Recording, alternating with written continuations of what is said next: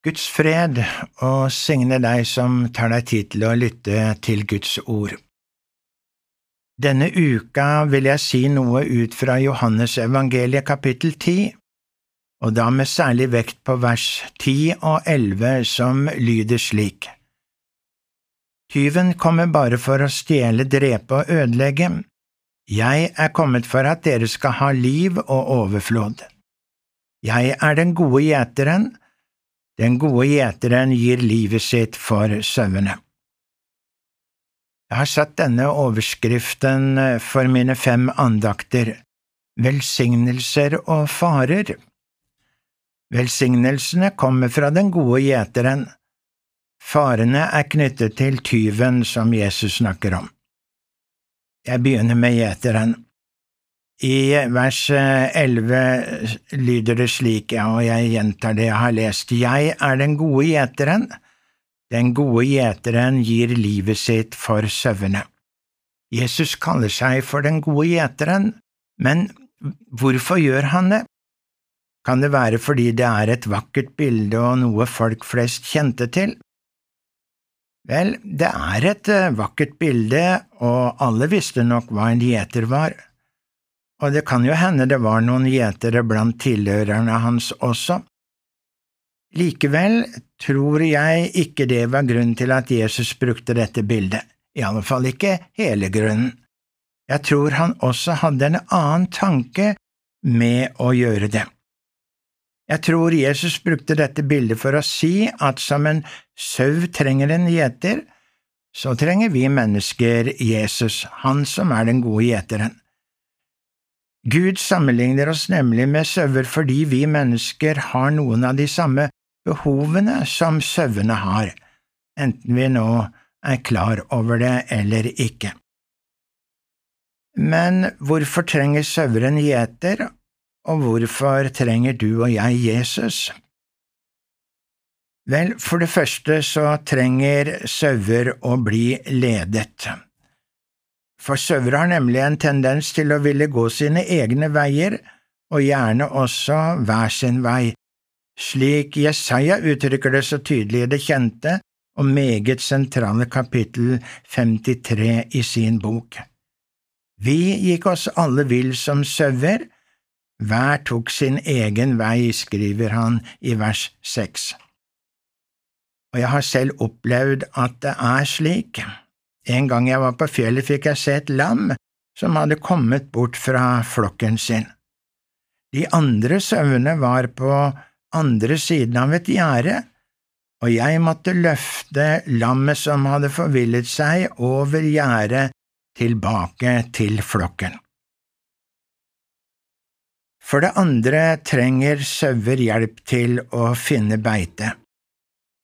Det var nok ikke like grønt og frodig overalt, så hyrden måtte lede sauene til områder hvor det var både vann og nok å spise. Og slik er det i grunn for oss mennesker også. Jesus kommer i alle fall med denne viktige påminnelsen, mennesket lever ikke av brød alene, men av hvert ord som kommer fra Guds munn. Eller som han også sier et annet sted, arbeid ikke for den mat som forgår, men for den mat som består og gir evig liv, den som menneskesønnen vil gi dere. Det synes ikke som om vi mennesker alltid forstår at vi også trenger mer enn brød, men her kommer den gode gjeteren oss til hjelp. En tredje grunn til at sauer trenger en gjeter, er at de trenger beskyttelse. Gjeteren passer på dyrene om dagen og samler dem i innhegningen om natten, og så legger han seg gjerne i porten slik at alle må passere ham, enten de nå skal inn eller ut. Gjeteren er der for å sikre trygghet for sauene, for det finnes både rovdyr og tyver.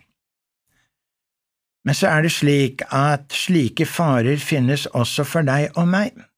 Det gjelder jo ikke bare sauer, og om vi ikke er klar over slike farer, eller ikke bryr oss, da vil du og jeg bli et meget lett bytte.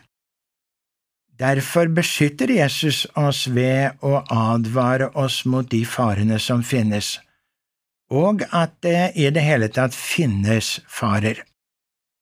Det er på en måte både rovdyr og tyver som er ute etter å stjele fra oss og ødelegge for oss. Men heldigvis, Jesus setter seg i porten for å kunne ta støyten, og sier om seg selv, Den gode gjeteren gir livet sitt for sauene. Nå er det sikkert noen av dere som ikke vil bli kalt for en sau, og Jesus gjør da heller ikke det. Ingen av oss er sauer, men vi blir sammenlignet med sauer fordi vi har noen av de samme behovene som dem. Men om du likevel ikke vil være med på dette, så får jeg bare ønske deg lykke til i livet.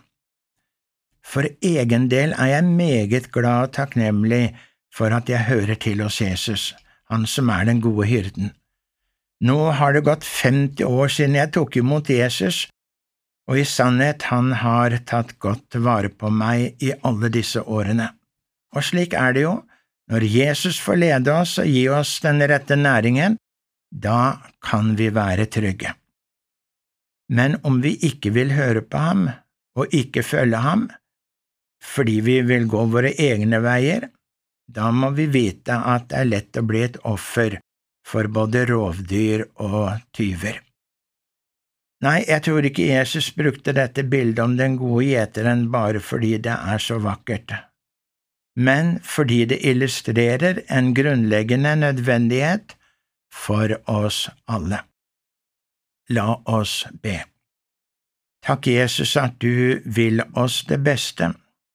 Takk at du vil lede oss gjennom livet, gi oss den rette næringen og beskytte oss mot alle farer. Ta imot Herrens velsignelse. Herren velsigne deg og bevare deg.